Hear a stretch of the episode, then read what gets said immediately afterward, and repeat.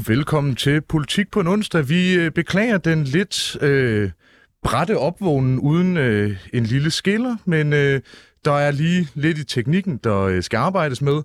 Det er ikke Millionærklubben det her, så hvis du er tunet ind for at få gode tips til din private økonomi, så øh, kan vi afsløre, at hverken Nicoline som statskundskab eller mig som en anden halvstuderet røver er de rigtige, og vi kan i hvert fald slet ikke drages til ansvar for det, vi siger på privatøkonomisk vis. Til gengæld så ved vi en lille smule, ikke meget, om politik.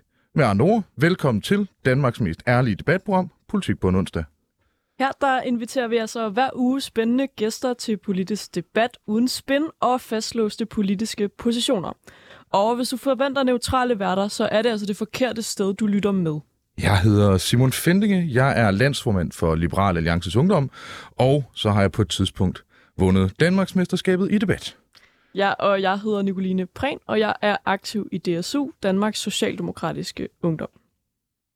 Og den næste time, der kommer vi til at vende nogle af ugens absolut vigtigste politiske historier med nogle ekstremt skarpe gæster. Blandt andet kommer vi til at debattere, om tiden er ved at være løbet fra kongehuset. En debat, som man har haft i mange år på både dansk og fransk. Men øhm, vi starter altså øh, hos os selv. Så øh, Simon, hvad øh, har fyldt for dig i ugen, der er gået sådan politisk? Jamen, øh, jeg, er, jeg er jo øh, begunstet med en ekstremt dårlig korttidsudkommelse, så noget af det, der har fyldt for mig i en, i en hel uge, er noget, der skete i går. Øh, navnlig, at øh, en fælles opposition, altså vi snakker fra enhedslisten og så hele vejen til Nye Borgerlige, er blevet enige om, at det ultimatum, der er kommet i forbindelse med forsvarsforledet, at man ikke vil være med til, at den eneste måde, man kan handle, forhandle forsvarsforlig på, det er, hvis man er med i stor bededagsaftalen.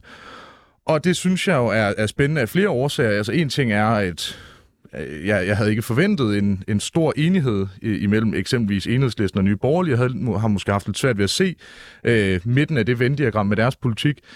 Men samtidig også, at det er, det, det er sådan et nybrud i, øh, i, i, i dansk politik, at vi har øh, altså de, de, sto, de store drenge i, i skolegården, skolegården der, der omringer øh, dreng med briller. Dreng med briller har så bare... Øh, har så bare læreren bag sig, at øh, vi har simpelthen politik samlet på midten, og så har vi en hel masse idealister, som ikke kan blive enige om super meget, som står rundt om og, og tror dem, og det synes jeg er en øh, spændende form for politik. Så jeg øh, ser frem til, til fire år med det.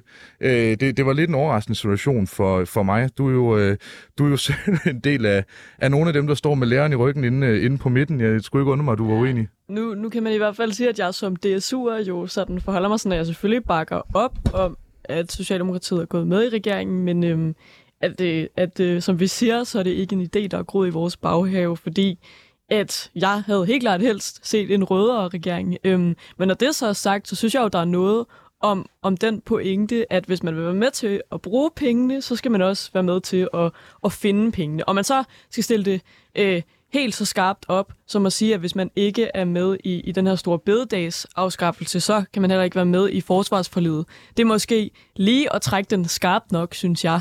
Øhm, men, men jeg synes, at det er med, at hvis man vil bruge penge, må man også finde dem. Det, det giver jo i sig selv rigtig god mening. Så det synes jeg egentlig er en idé, man godt kunne udbrede.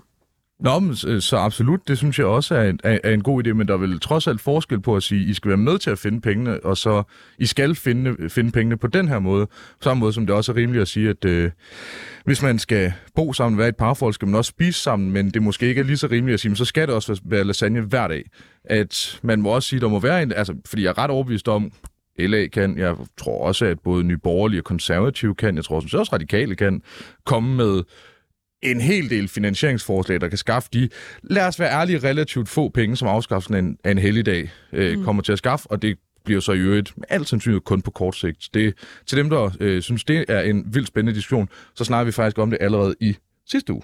Jeps, så kan man jo øh, gå tilbage øh, i sin podcast-app og finde det afsnit, hvis man gerne vil høre om det. Men i hvert fald, så, så synes jeg, at, at politik fungerer jo sådan, at man finder et kompromis, man forhandler, man siger, det er noget for noget. Lige præcis som du siger, som et parforhold jo også fungerer.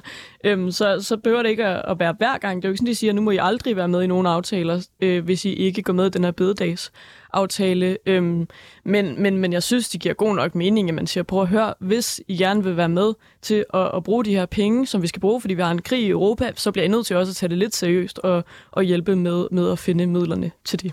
Men, men der kan vi jo hurtigt blive enige om, at det handler jo så også om, hvordan man øh, i høj grad inviterer folk ind, fordi der jo i, i meget vid udstrækning er forskel på, øh, om der er en forhandling om, hvad man skal spise til aften, eller man får at vide, at øh, du, altså, hvis du ikke vil have lasagne, så må du finde dig et andet sted at spise. Øh, og forsvarsforledet kunne man argumentere for, at der er en vis væsentlighed i brede aftaler. Det ved jeg, at Socialdemokratiet, Venstre og Moderaterne alle sammen er gået til valg på, hvor vigtigt det er med ja. brede aftaler, men jeg er også øh, klart mest for, for kompromiser, når det kompromis, man laver, er, er det, jeg mener i forvejen. Når så det er sagt, Nicoline, hvad har... Ja, det er sådan meget... Øh, det lærer man også i et parforhold at komme med, komme med det sidste ord på en spydig måde, så det virker som om, man fik ret. Øh, Nicoline, hvad er fyldt for dig i den uge, der er gået? Jamen, jeg vil lige først sige, at det er ret sjovt, hvordan den her SVM-regering, øh, den her nye koalition, det ender altid med, at når man skal tale om det, så ender det i sådan nogle parforholds øh, sådan sammenligninger og sådan noget med, hvem er går i seng med hvem og sådan noget. Det er meget grineren. Øhm, som i alle parforhold, så, så er der ligesom, der, der, der er en høj, flot mand og en, en magtfuld kvinde, og så sådan, sådan en lille tyk fyr, der står nede på ja, Café Victor og kigger på. ja, okay, men, men til hvad jeg synes har været spændende, øhm, så vil jeg sige, at det er faktisk også en, en meget ny nyhed øh, her til morgen. Øh, læste og så jeg i nyhederne, at øh, der er en helikopter, der styrter ned i Kiev i Ukraine. Øhm, ret alvorligt, så er faktisk indrigsministeren, som åbenbart måske har været i helikopteren, han er i hvert fald omkommet, altså den ukrainske indrigsminister er omkommet i det her helikopterstyrt. Øhm, der er allerede 16, der er meldt dræbt, øh, og øh, den skulle være styrtet ned lige ved en, en, en børnehave og en boligblok, cirka 30 km fra Kievs øh, centrum.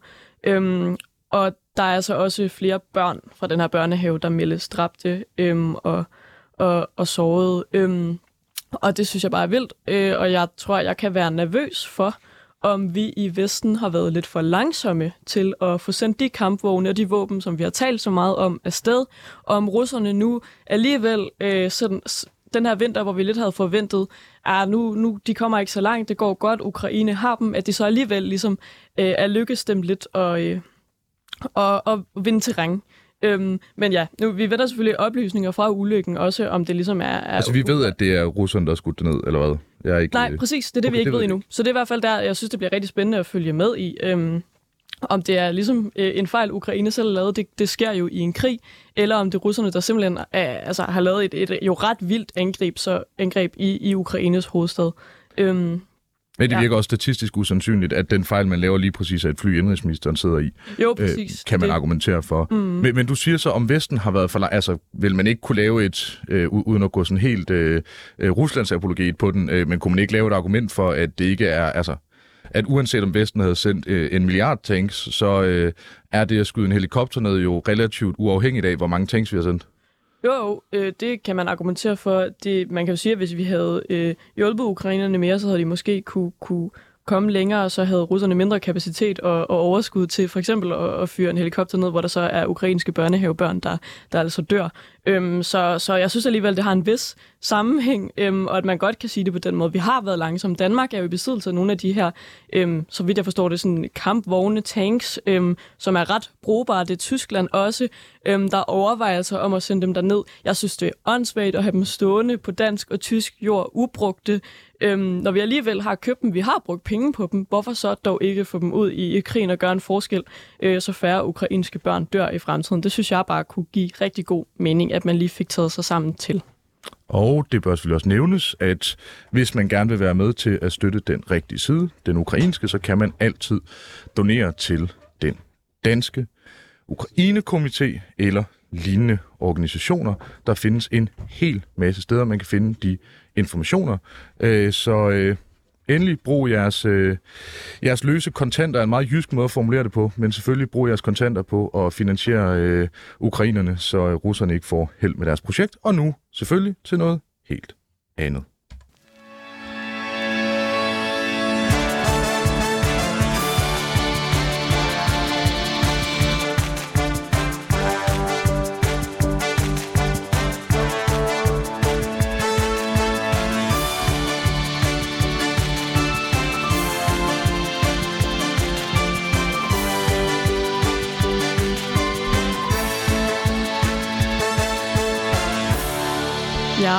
For vi har nemlig fået besøg af to skarpe gæster. Det er jer to, Christian Vigilius, formand for Konservativ Ungdom, og Viggo Schmidt, formand for Republik Nu.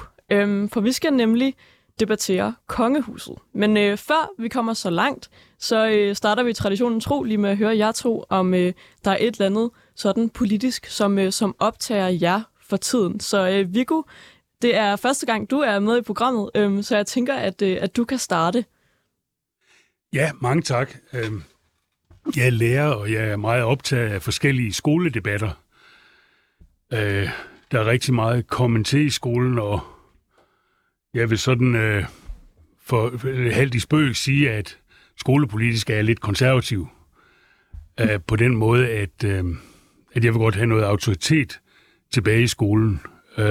Forstået som, jeg vil have lærernes autoritet tilbage øh, i skolen, sådan at, øh, at der bliver mere ro. Det er ikke et eller andet, det er ikke den sorte skole, jeg vil have tilbage. Det er sådan en eller anden mere ro og orden, der er meget kommet til. Noget af det bliver faktisk skabt af de voksnes projektmageri. Noget af den uro, der er i skolen, ikke? Øh, det, det kunne jeg tale meget længere om, men det er noget, der optager mig meget. Og det skal ikke forstås, det, det er nuanceret på mange måder, ikke? Øh, og dem, det går hårdest ud over, det er en bestemt form for, øh, øh lad os ikke tale om autisme, lad os tale om introverte elever. Altså øh, sådan lidt stilfærdige elever, der egentlig gerne vil lære noget de bliver ikke set, fordi man er hele tiden i gang med at tage sig af øh, nogle elever, som øh, man sikkert også skal tage sig af, men som er meget udadreagerende. Og det er sådan et øh, problem, jeg er meget optaget af. Ja, spændende. Og set i kongehus sammenhæng kan man sige, at jeg vil gerne have autoriteten og beundringen og respekten mm. og vandbærerne i samfundet. Det er sygeplejersker, politi, dem der går rent, øh, også skolelærer og pædagoger. Ikke? Ja, Christian Vigilius, øh, nu er du jo øh, formand for konservativ ungdom, og Viggo Schmidt her siger, at øh, han er lidt konservativ, når det kommer til skolepolitik. Er du enig i, at det er, at det er noget af det, der er vigtigst lige nu, at vi skal have respekten tilbage i folkeskolen?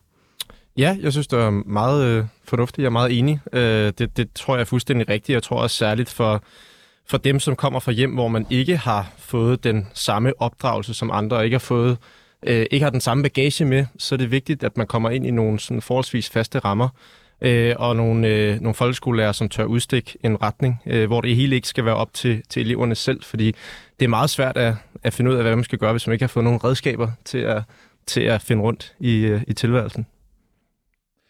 Ja, øh, altså, nu kommer vi lige med sådan en... Øh øh, løse det her på 30 sekunder, men hvad kan man gøre ved det? Er det et forældreansvar? Det er sådan set et, et spørgsmål, som øh, det bare er første mølle på. Er det et forældreansvar? Er det skolen, der skal gøre noget? Er der nogle ting, der skal tages ud?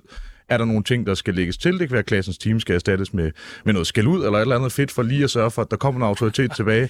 Altså, hvad, hvad er... Ja, øh, Viggo, du kan starte. Jeg, jeg, tror, du, jeg tror, du inviterer mig til noget spøgefuldt. Sidst jeg var i medierne, medierne, var jeg blevet inviteret som opponent til nogle lærere fra en skole i Galten.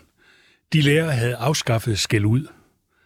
Det synes jeg er virkelig flot at afskaffe skæld ud på en skole. Ikke? uh, altså, jeg, synes også, man kan, jamen, jeg synes, det er morsomt, man afskaffer menneskeligheden. Ikke? Det, det er selvfølgelig rigtigt, at Øh, altså et kolerisk anfald, øh, som alle mennesker kan risikere at få, øh, er jo ikke noget, der læ- bringer læringen frem, og det er jo selvfølgelig noget, der skal reduceres mængden af. Ikke?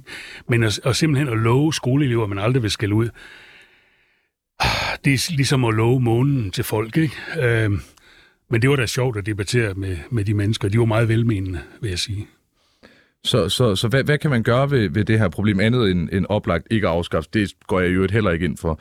øh, men, men andet end, øh, end, end skal ud, altså hvad er den, er der en oplagt løsning på det her, eller er det bare, at man over tid må se vores fælles folkeskole, altså langsomt men sikkert, det er jo der?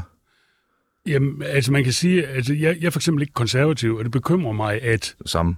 Øh, det, nå, jeg, jeg synes, det er meget legitimt at være konservativ. Øh, jeg, det bekymrer mig, at, at, øh, at man inviterer de der forældre, som godt kan, til at sætte deres børn i privatskole.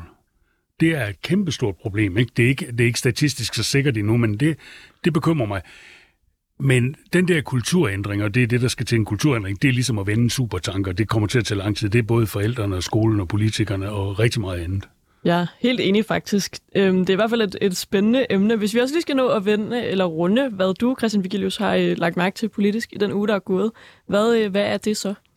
Altså jeg sige, udover det, som vi så skal debattere i dag, så øh, har det selvfølgelig været Stor Bødedag, som jo har bjergtaget hele den politiske dagsorden. Øh, lidt overraskende for mange, tror jeg. Øhm, så så det, er jo, det er jo noget, jeg følger en del med i, og, og i K er selvfølgelig også imod at afskaffe Stor Bededag, nok lidt andre bevæggrunde end, end fagbevægelsen. men, øh, men det er jo fascinerende det her med, at, øh, at øh, den her midterregering simpelthen øh, allerede nu har formået at forene den her lidt øh, skizofrene opposition. Øh, alt fra, fra kirkefløjen til fagbevægelsen til, øh, ja, altså både rød og blå blok, øh, som, som står i samlet front imod dem. Så, øh, så det synes jeg er meget interessant øh, at følge med i, altså hvem det er, der giver sig først, øh, fordi det er klart, de, de har jo selvfølgelig ikke lyst til at indgå så snævert et forsvarsforlig med kun øh, 90 mandater. Øh, men samtidig tror jeg også, at det vil, øh, det vil gøre ondt på sjælen for, for de borgerlige partier, hvis, øh, hvis ikke de var med i forsvarsforliget. I hvert fald mit eget parti. Øh, så jeg håber jo, at de holder stand. Øh, jeg kan godt være lidt bange for, at, øh, at der er en af dem, der falder fra, og så tror jeg, at hele korthuset falder, fordi så har man ikke det der forhandlingsmandat over for regeringen. Nej, det bliver i hvert fald øh, ret... Jeg tror, jeg, det, det tror jeg, at, at, øh, at Christian har meget ret i. At jeg tror, mm. det, jeg tror, at det der med stor bededag, det er sådan, lige, sådan en lille rød ting, man har kastet ud, fordi man er ved at lave noget andet, som folk ikke kan lide. Altså, jeg synes faktisk, det er ret snedigt, fordi jeg tror, at den regering er ved at lave nogle ting, som der er rigtig mange, der vil være imod, så kaster de store bededag ud, så alle kan hisse sig op over store bededag, ikke? Ja, det bliver så rimelig det, at det er ikke noget, jeg selv har tænkt. Jeg har læst det mange steder. Jeg tror, det, det er en god analyse. Hvad det så er, de er ved at lave, mm. det bliver spændende. Jo, i hvert fald er det vildt, hvor meget modstand det har fået. Nu er jeg, også, jeg er jo selv DSU'er, hvor uh, vi ligger os jo også op af fagbevægelsen og siger, at det er rimelig mærkeligt, at man pludselig vil tage altså, en fridag fra arbejderne. Um, og man oplever selv altså, kristendemokrater og præster og Altså biskopper Signe være ude og sige, at sagde det i er... går i en anden radioudsendelse, mm. at både de to kirker, forstået som fagbevægelsen og Ja, præcis. kirken, var imod. det synes jeg var meget skægt formuleret, ikke? Christian Vigilius, hvor ofte er du på samme hold som Stine Bosse? Det er, det er meget sjældent. Øh, og, og som regel, hvis, øh, hvis jeg er enig i noget af det, hun siger, så plejer jeg lige at evaluere min øh, position. Men øh, man kan jo komme med fuldstændig forskellige mellemregninger, mellemregninger frem til det samme resultat, så sådan er det nogle gange i politik. Og er det selve afskaffelsen af bededagen, at I i KU også er imod, eller er det der med, at I ikke har adgang til forsvarsforledet? Øh, det, det er begge dele. Altså, vi er prin- principielt imod at afskaffe øh, Stor Bededag som, som helligdag. Øh, men det er klart, at jeg synes, at øh, jeg synes virkelig, man, at, at partierne i opposition skal gøre, hvad de kan for at bruge det her som presbold for regeringen, fordi øh, det kan godt være, at du har ret i, i analysen, øh, Viggo, i forhold til det her med, at det, det er for at distrahere. Men jeg tror også, det er kommet bag på, på midterregeringen, at øh, det har skabt så stor furore. Jeg tror ikke, de har regnet med, at der vil være så stor opstand omkring det. Øh, og, og nu tror jeg, at det er ren stedighed, de holder, holder fast i den, fordi det her det er ligesom deres forsøg på at legitimere den her midterregering. Nu skal de ligesom vise, at de kan tage nogle upopulære beslutninger. Øh, og jeg tror egentlig også, de synes, det er rimelig træls, at, øh, at oppositionen har formået at... Øh, Jeg har en løsning. Ja. Ora et labora. Bed og arbejde. Så man både kan bede og arbejde på stor bededag. Jeg tror, at kirkefædrene har tænkt sådan, ikke? Kan man argumentere for, at Gud simpelthen har forladt regeringen i det her scenarie? Nej, han Øh. synes, at vi alle sammen skal arbejde ikke? og bede. Jeg udtaler mig ikke på Guds vegne, men øh, kan, kan derimod sige som mand med skillerne, at øh, nu hopper vi til dagens helt store debat.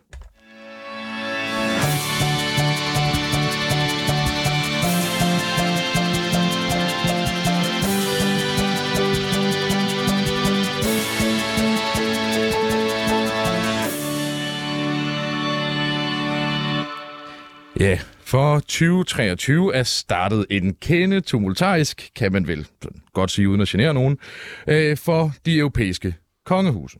I Storbritannien har prins Harry sendt en kaskade af kritik mod sin egen familie.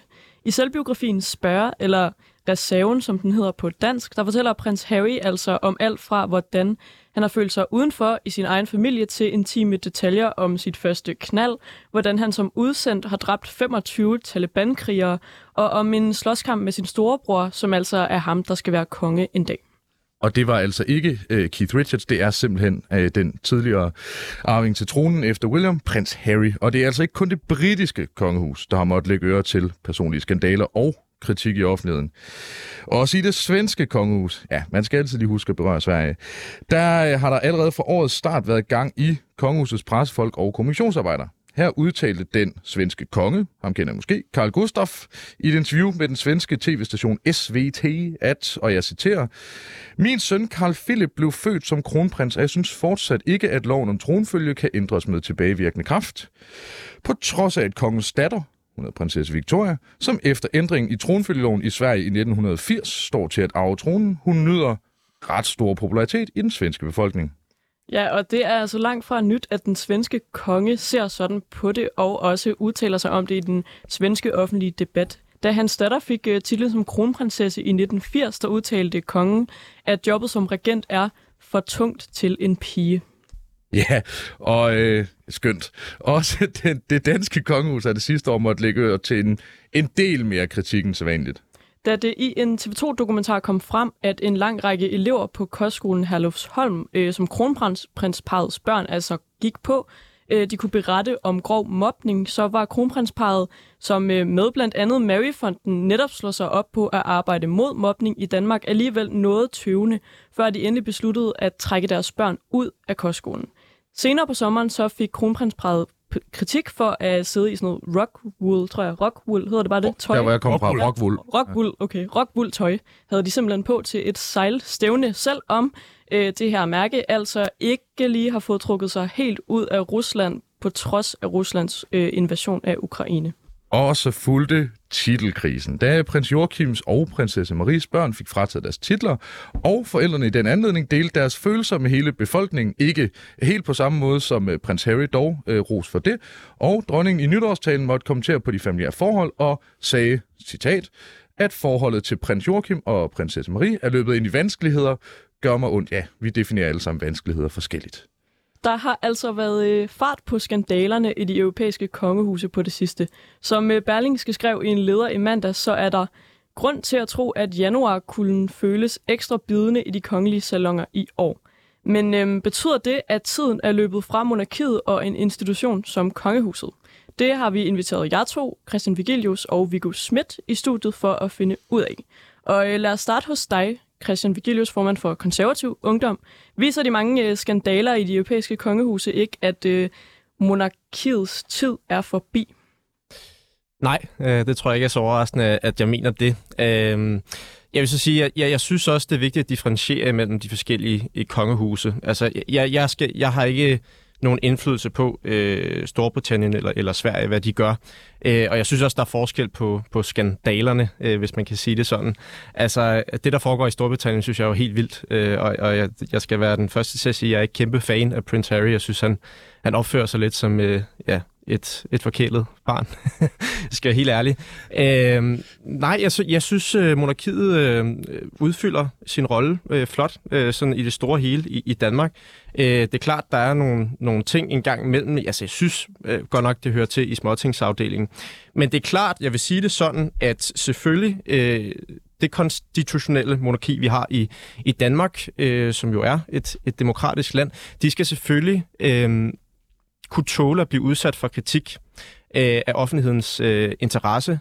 Øh, altså det hører så selvfølgelig med. Øh, så, så når det er, de, de træder ved siden af, jamen så er det jo på sin plads, at de får noget kritik. Og det, sådan er det bare. Øh, så må de jo prøve at, øh, for så vidt muligt at give så lidt anledning til kritik som, som muligt.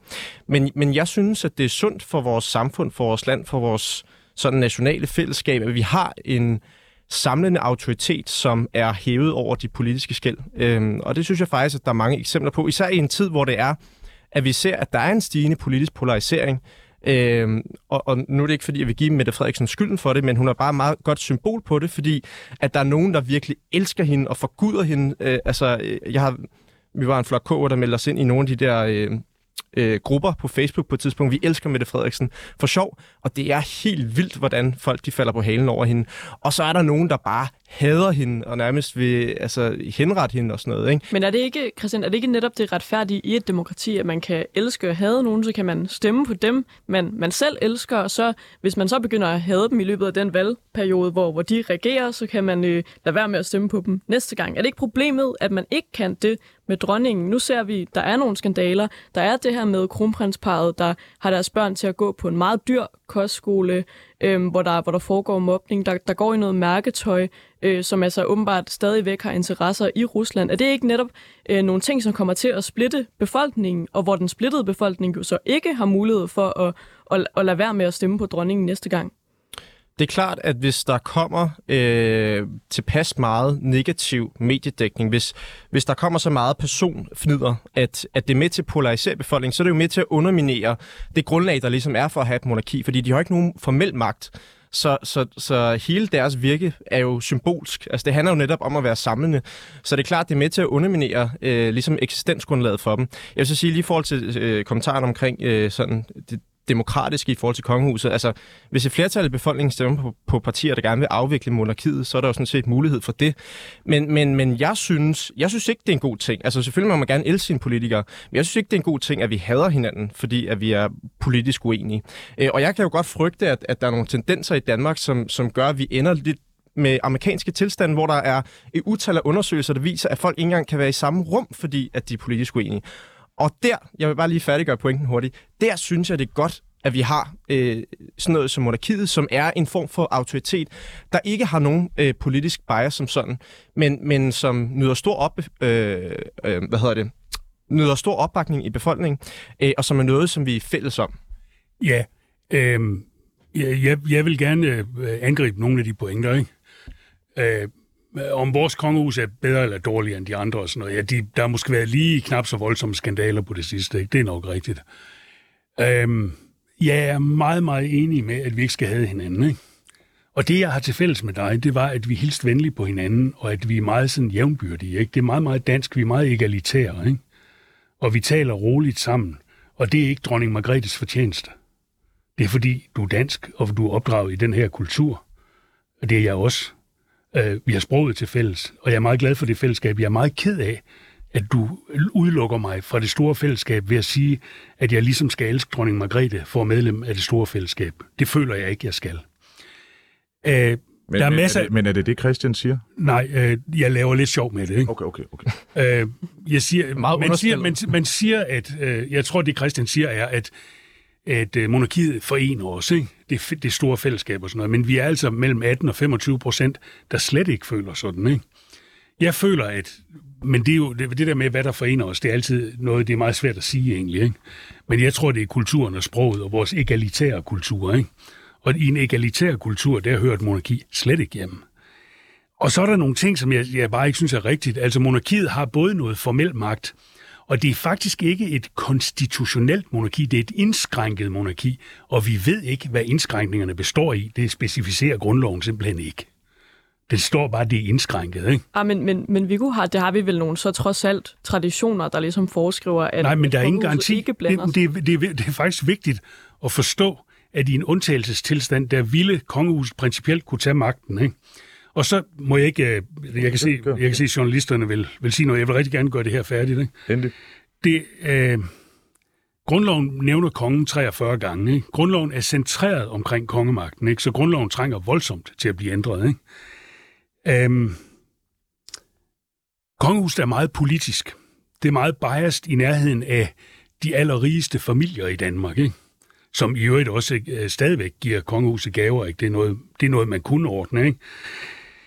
Øhm, øh, det, den magt, øh, som kongehuset ud af, den kan man blandt andet se ved den måde, som øh, kronprins Frederik i sin tid blev manipuleret ind i, hvad der var meget uheldigt, og kloge mennesker rådgav ham imod det, i øh, den der forfærdelige korrupte organisation, der er den olympiske komité hvor han også begik en slags landsforræderi ved at gøre det modsatte af, hvad der var dansk udenrigspolitik på det tidspunkt, nemlig stemme for, ikke, ikke stemme imod Ruslands deltagelsessted.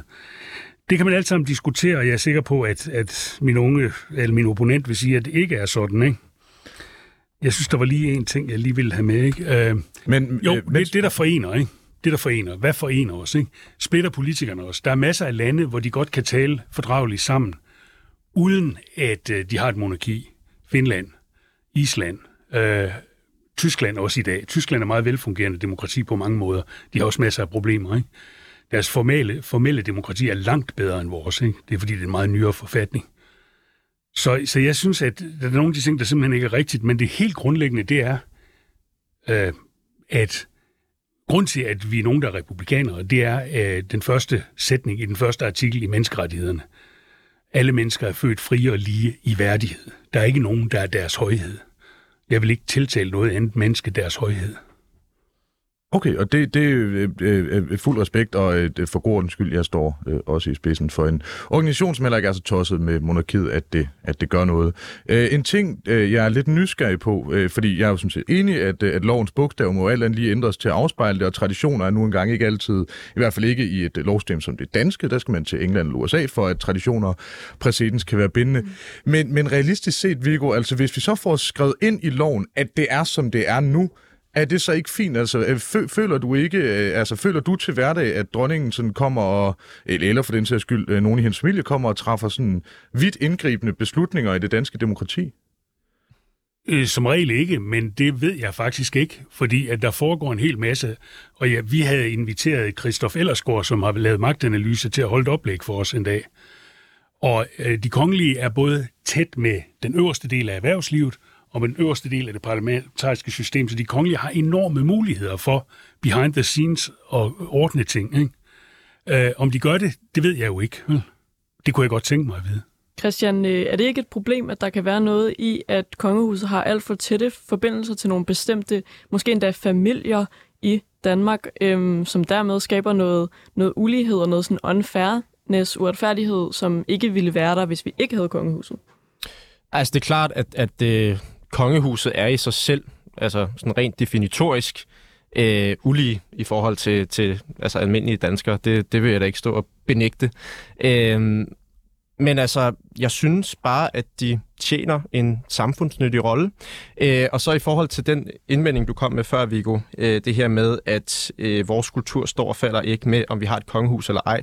Øh, det er jo ikke uenig i, øh, isoleret. Men jeg synes, det er en del af vores kultur. Øh, jeg synes, det er et symbol på vores kultur.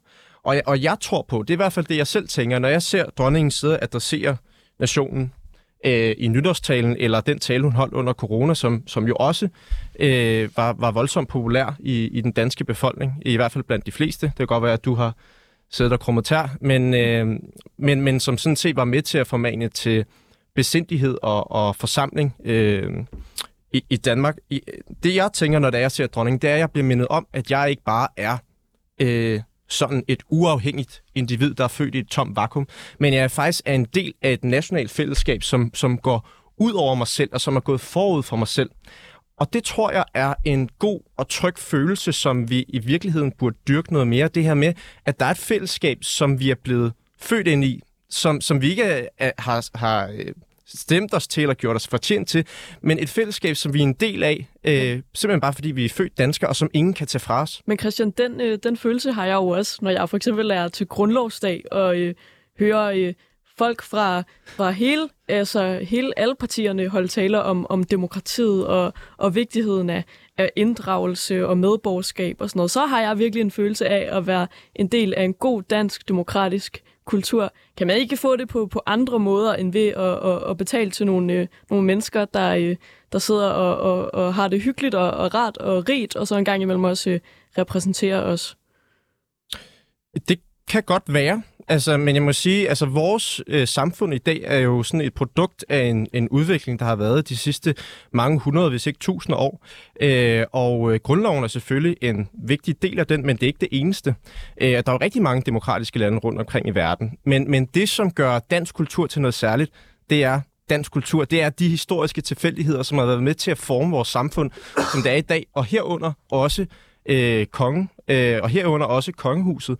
Øh, altså, og før vi fik demokrati, så har der også været masser af, af dygtige regenter, som har været med til at bringe samfundet frem til der, hvor det er i dag. Jeg ser jo ikke grundloven og indførelsen af, af demokratiets, øh, demokratiet som et brud med al den danske historie, der har været. Jeg ser det som en naturlig udvikling, altså et produkt af den historiske udvikling, vi har haft i vores samfund. Men... Og der synes jeg bare, det er meget fint, at vi holder fast i vores kongehus og i vores monarki, for ligesom at minde os selv om, at vi stadig er en del af den historie. Vi er del af et folkefællesskab, som er gået rigtig mange hundrede år tilbage. Oh, ja, men men vi kunne få, for, altså, det, for, for nu at opsummere Christians argument, så handler det om sammenhængskraft i, i vid udstrækning. Er det en ja, ja, ja. repræsentation? Ja, det... men, men, men i det her scenarie, er det ikke det, det Christian siger, åbenlyst rigtigt, at altså, jo, vi, jo, jo. Vi, vi republikanere er, øh, er, er, er på en, en, en meget lille øh, fløj, og at der grundlæggende er mange øh, rigtig mange endda, som, øh, så, så, som ser drøn. Det er også svært at blive tos over hendes nytårstal, hvorimod man kan godt få en lille smule mere ondt i maven, når, i hvert fald nogen af os, når vi ser Mette Frederiksen snak. Er det ikke godt, at vi har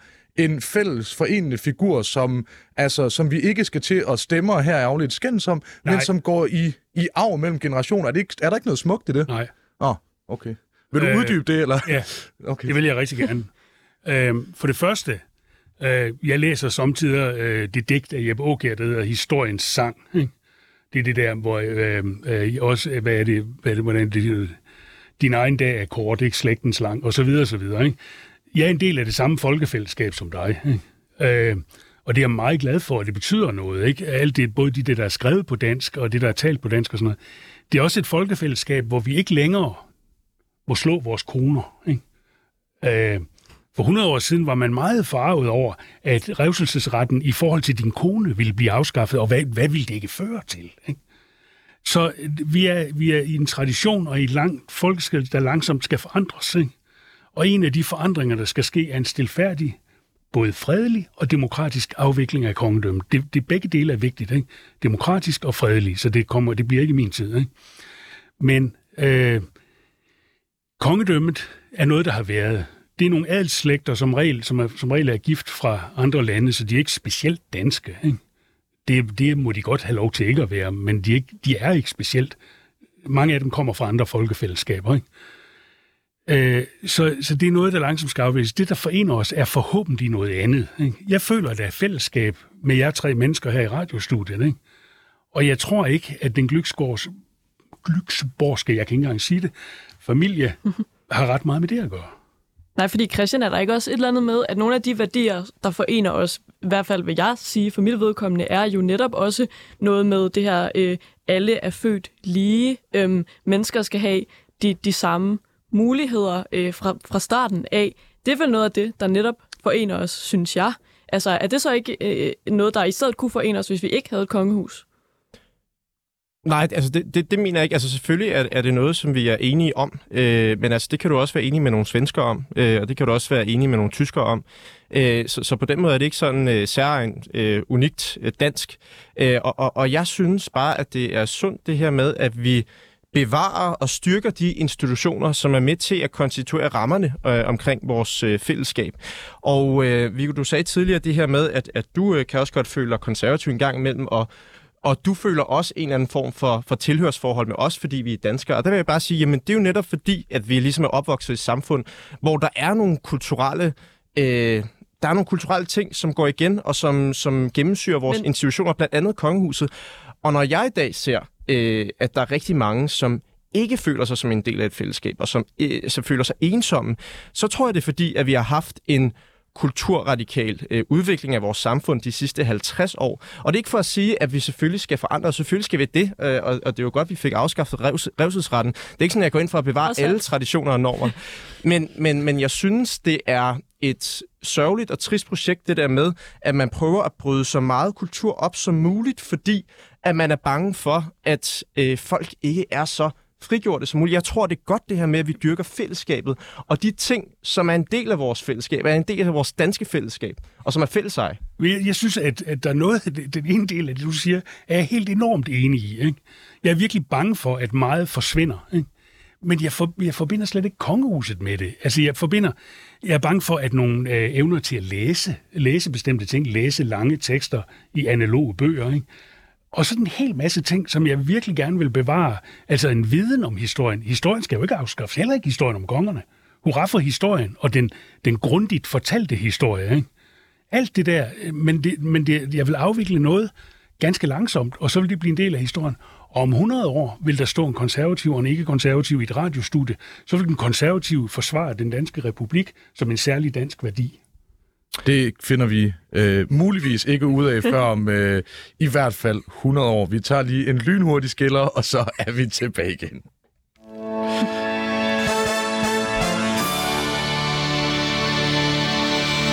Ja, for du lytter til Politik på en onsdag med Simon Fendinge og Nicoline Prehn, hvor vi i dag har besøg af jer to, Christian Vigilius fra Konservativ Ungdom og Viggo Spidt fra Republik Nu. Og vi er altså godt i gang øh, med en debat om kongehuset. Under den ret fængende titel er tiden løbet fra monarkiet.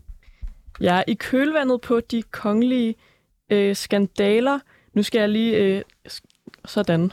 Øhm, der var lige nogle tekniske problemer, men i kølvandet på de kongelige skandaler, som vi jo øh, har berørt indtil videre, der kører øh, Avisen Politikken altså for tiden en portrætserie, hvor de spørger danske kulturpersonligheder, hvad de synes om kongehuset i 2023.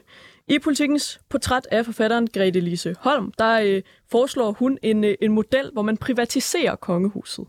Så kunne alle billedbladene og alle de firmaer, der gerne vil have, at kongehuset kaster glans over dem og deres varer, få lov til at betale. Lad dem, der vil, betale, der vil have det, betale gildet selv, udtaler Grete Lise Holm altså i politikken. Og alle ved selvfølgelig, at hvis man vil have sandheden, så skal man høre den fra markante kulturpersonligheder i og omkring politikken. Øh, en privatisering af kongehuset er altså potentielt en mulighed, selvom nogen nok vil påpege, at det går imod pointen om et samlende kongehus. Trods de seneste skandaler er der i hvert fald bred opbakning i den danske befolkning, hvor 88 procent af danskerne, det er mange, i en gallupmåling svarer, at dronning Margrethe gør det godt eller meget godt. Men hvis kongehuset skal fortsætte, hvordan skal det så fungere? Når kronprinsesse Mary eksempelvis har meget markante holdninger til klima og mobning, er det så at blande sig for meget i politiske diskussioner? Og skal kronprinsessen så selv stå på mål for at efterleve de værdier, hun taler om? Og hvis vi faktisk kan undvære kongehuset, hvad skal vi så have i stedet for? Altså, skal vi ophøje statsministertitlen Mette Frederiksen til præsident inspireret af USA? Eller skal vi hellere, det kunne være som i Tyskland, lade Folketingets formand, det er jo så Søren Gade, dejlig mand, øh, blive en form for præsident, som spiller en større rolle i den danske repræsentation? Viggo Schmidt, du er formand for Republik Nu, og altså aktiv i den danske kongehusdebat. Øhm, jeg tænker, du må have gjort dig nogle tanker om, hvordan Danmark øh, vil komme til at se ud uden et kongehus. Kan ja, du ikke, det, det har det bestemt, det? og der er vi oppe i nogle forskellige ting. Det var jo en fornøjelse at tildele Grete Lise Holm årets republikaner. Ikke? Hun har hele sit liv turet skrive alle de der ting. Og en af de ting, hun tit fremhæver, det er, at hun stod og underviste nogle afrikanske journalister, og underviste dem i, hvordan man undgik nepotisme. Ikke? Det der med at lægge mærke til, om nogle bestemte slægter hele tiden får og får. Og så var der en, der sagde, hvad med jeres kongehus? Ikke? Og så, så blev hun sådan lidt stum. Ikke? Øhm, altså det der med en bestemt familie. Ikke? Øh, men det er jo en slags lovlig korruption. Ikke? Øhm, vi har selvfølgelig gjort os nogle tanker, ikke? og man kigger rundt på vores nabolande, og vi kigger ikke på USA. Lad mig understrege, vi kigger ikke på USA. USA's demokrati er, er, er, har rigtig mange fejl og mangler i dag, fordi det er meget gammelt. De har de der mærkelige valgmandssystem. De, har, øh, de får ikke rigtig nok stemmer og sådan noget nogle af de kandidater, der får flertal, de får faktisk ikke posten, og så videre, og så videre. Der er rigtig mange problemer i det. Og så har de også en executive presidency, ikke? altså det, præsidenten er udøvende magt. Ikke? Uh, vi vil gerne have et system som i Island eller Finland. Island er et meget smukt eksempel, som vi elsker særlig meget. Både fordi, at der engang var demokrati på Tingvallesletten for tusind år siden, Ganske vist slog de hinanden ihjel, når de red hjem derfra, men det er en anden historie, ikke?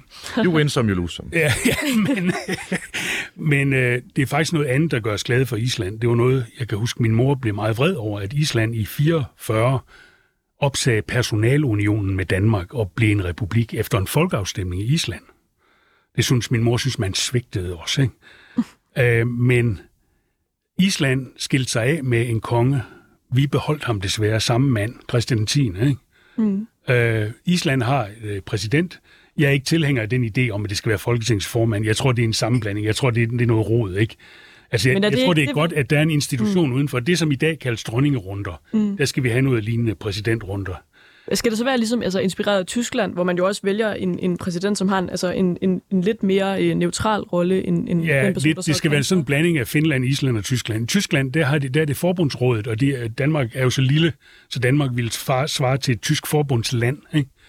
Øh, så vi skal, vi skal have direkte valg til præsident, efter min mening. Præsidenten skal primært være ceremoniel, tage sig af ting og sager, repræsentere i forhold til, og så skal han have en konstitutionel rolle, når der skal dannes nye regeringer. Ikke?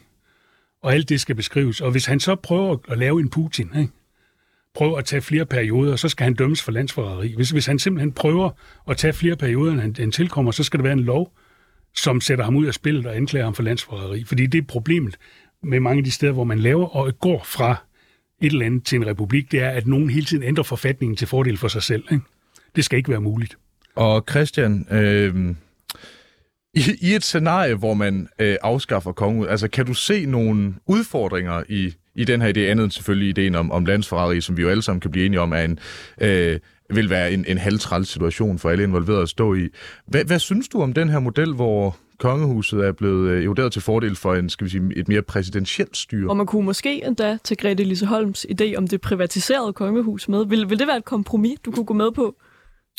If it ain't broken, don't fix it, uh, tror jeg, jeg vil sige. Altså, som du selv sagde, Simon, så 88 procent af danskerne siger, at uh, dronning Margrethe gør det godt eller meget godt. Øh, jeg vil gerne se den person, som kan opnå 88 procent øh, stemmer øh, i den danske befolkning som præsident eller lignende. Det skulle lige være Lise Nørgaard, men hende har vi desværre ikke længere. Mm. og så vil jeg bare lige sige, altså i forhold til det her med vores, nu talte du om Island, så vil jeg bare lige sådan henlede tankerne på, på vores rigsfællesskab, fordi altså jeg var faktisk... jeg besøgte Grønland i, i sommer og talte med nogle lokale politisk aktive i Nuuk, og, øh, og det sjove, og det var en meget øh, interessant øh, tur, øh, men, men det sjove var det der med, at de sagde, at der var rigtig mange grønlandere, som, som ringeagtede Danmark og danskere. Altså, de, de var simpelthen ikke for glade for Danmark. Men dronning Margrethe, hende kunne de godt lide. De var vilde med hende, og de var vilde med det, med det danske kongehus. Så det er bare for at sige, altså de har jo sådan set også en samlende øh, rolle i forhold til hele rigsfællesskabet. Øh, og så kan man jo mene øh, om det, hvad man vil, at, at vi har et rigsfællesskab. Men nu hvor vi har det, så tænker jeg, det er meget godt, at der i hvert fald er en institution, som, som binder os sammen med, med de resterende dele af rigsfællesskabet. Hvad, altså, hvor står du på det? Altså, Jamen, skal vi have... jeg tænker, der, der, der er flere ting i det, ikke? For det første vil jeg lige det der med de 88 procent, der godt kan lide hende. Ikke? Altså hvis man spurgte i en undersøgelse, er du en varm tilhænger af, at privilegier skal være arvelige? Hvor mange vil 88 procent, så skriver jeg, det er en virkelig god idé. Godt. Øhm, men, men det, er de... det, der, det er jo det, der ligger i, om man er tilhænger af kongehuset eller ej.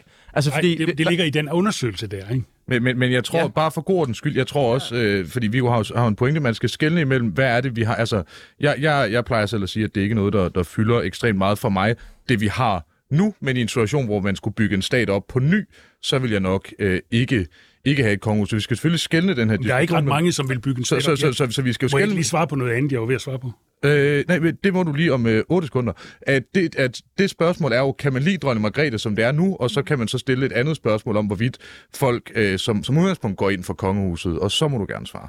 Øh, tusind tak. Øh, øh, jeg tror, at øh, hvis man pitchede øh, dronningen, øh, kronprins Frederik og sådan noget, og udsatte dem for virkelig hard talk journalistik, ikke?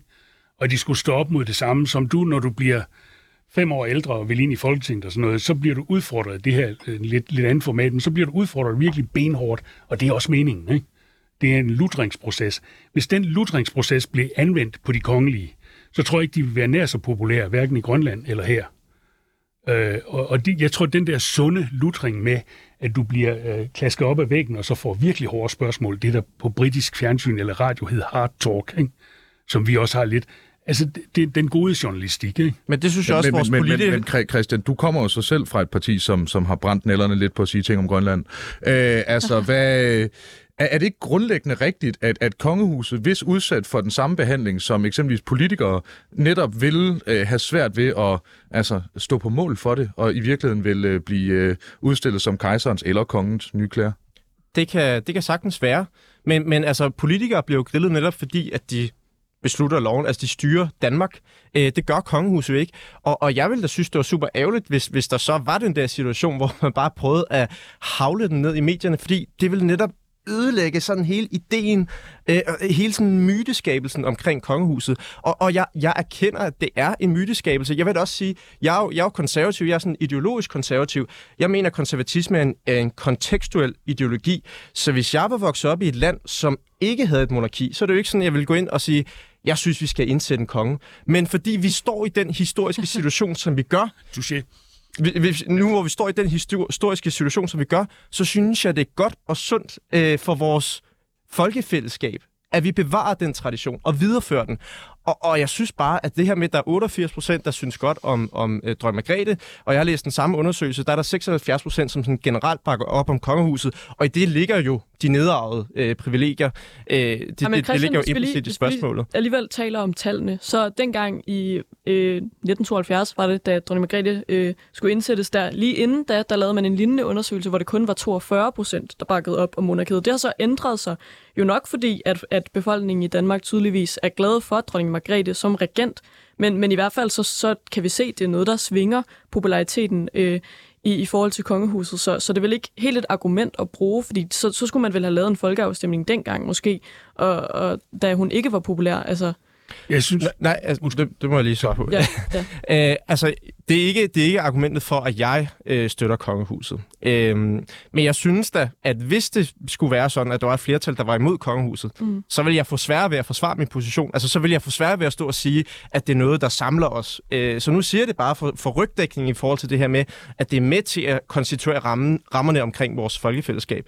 Men det er klart, altså sådan, det er jo ikke fordi, jeg, jeg synes, vi skal sætte demokratiet ud af kraft. Så hvis der kommer et kæmpe flertal imod kongehuset, så er det svært at argumentere for, øh, altså, hvad man ellers skal gøre. Altså, det er det samme med, at altså, hvis Grønland øh, beslutter sig for, at de gerne vil ud af rigsfællesskabet, så har jeg som konservativ svært ved at argumentere imod, fordi altså, de har jo også deres egen kultur, de har jo deres eget folk, så er jeg svært ved øh, at argumentere imod, at de, de skal have lov til det. Men jeg håber da, altså det, som jeg så gerne vil arbejde for, det er, at vi får en tættere tilknytning til, til det grønlandske samfund, og de også føler en tilknytning til Danmark.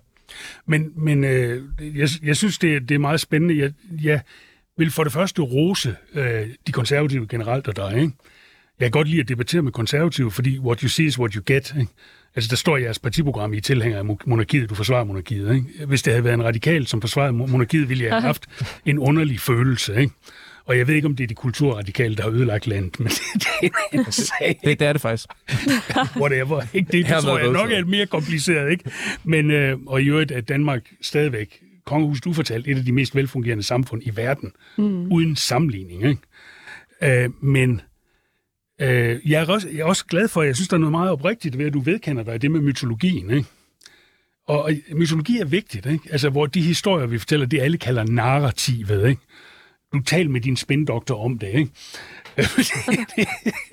Men øh, narrativet, det er vi alle sammen, det, og det er jo et narrativ, om, om det er godt med kongedømmet. Og jeg, jeg synes jo, det er en fortælling om den gode konge, ligesom i Aragorn i Ringenes Herre, ikke? At det der med den gode konge kommer og frelser os alle og sådan noget, ikke? At det er jo en fortælling, ikke? Og det skal man bare ære til huske, ikke? Øh, så jeg vil hellere have en anden fortælling, ikke? Jeg, jeg, vil, jeg mener, jeg synes, det er godt med unge politikere, der tager kampen, ikke? De er mine prinser, ikke? Kan man sige, ikke? Og jeg synes, folk skal gøre deres børnebørn til deres prins og prinsesser, i stedet for at sidde og kigge på sådan billedbladsagtigt. Og jeg, jeg synes rigtig ligesom, det, synes, det er meget vittigt, det der med, med at finansiere den privat. Det vil være en de facto afskaffelse, så det, det kan man da godt gøre. Jeg jeg er tilhænger af en, en konstitutionel afskaffelse, ikke? En rolig de, demokratisk proces, ikke? Okay, så... Men jeg, jeg vil igen sige, jeg synes, det er meget oprigtigt, og jeg har set et sted, du har, du har skrevet, at, at verden er blevet affortryllet. Det er det der Weber-citat, ikke? Mm. Og øh, jeg er enig på nogle måder. Jeg vil også genfortrylle verden, men på en lidt anden måde. Så nu er vi lige ved at løbe tør for tid, men Christian, nu, det ser jo nok ud til, at, det, at monarkiet fortsætter, og i hvert fald beholder kongehuset, som man kigger på, på de her målinger i befolkningen. Men skal kongehuset så gøre noget anderledes, hvis vi lige når at vende de her skandaler, vi startede ud med? Altså, skal de agere anderledes? Skal kronprinsesse Mary for eksempel lade være med i tale sætte udfordringer som, som klima og mobning, som, som nogen kan tolke politisk? Du har 15 sekunder. Jeg har fem sekunder. Øh, Jeg tror, kongehuset skal passe på med at blive for politiske. Jeg tænker, mobning, det går nok lige. Det er godt, at du ikke tog det ledige standpunkt, at mobning faktisk kan være et fornuftigt socialt korrektiv. Og med de ord siger vi tusind tak til Viggo Schmidt, formand for Republik Nu, og en anden formand, Christian Vigilius, for Konservativ Ungdom.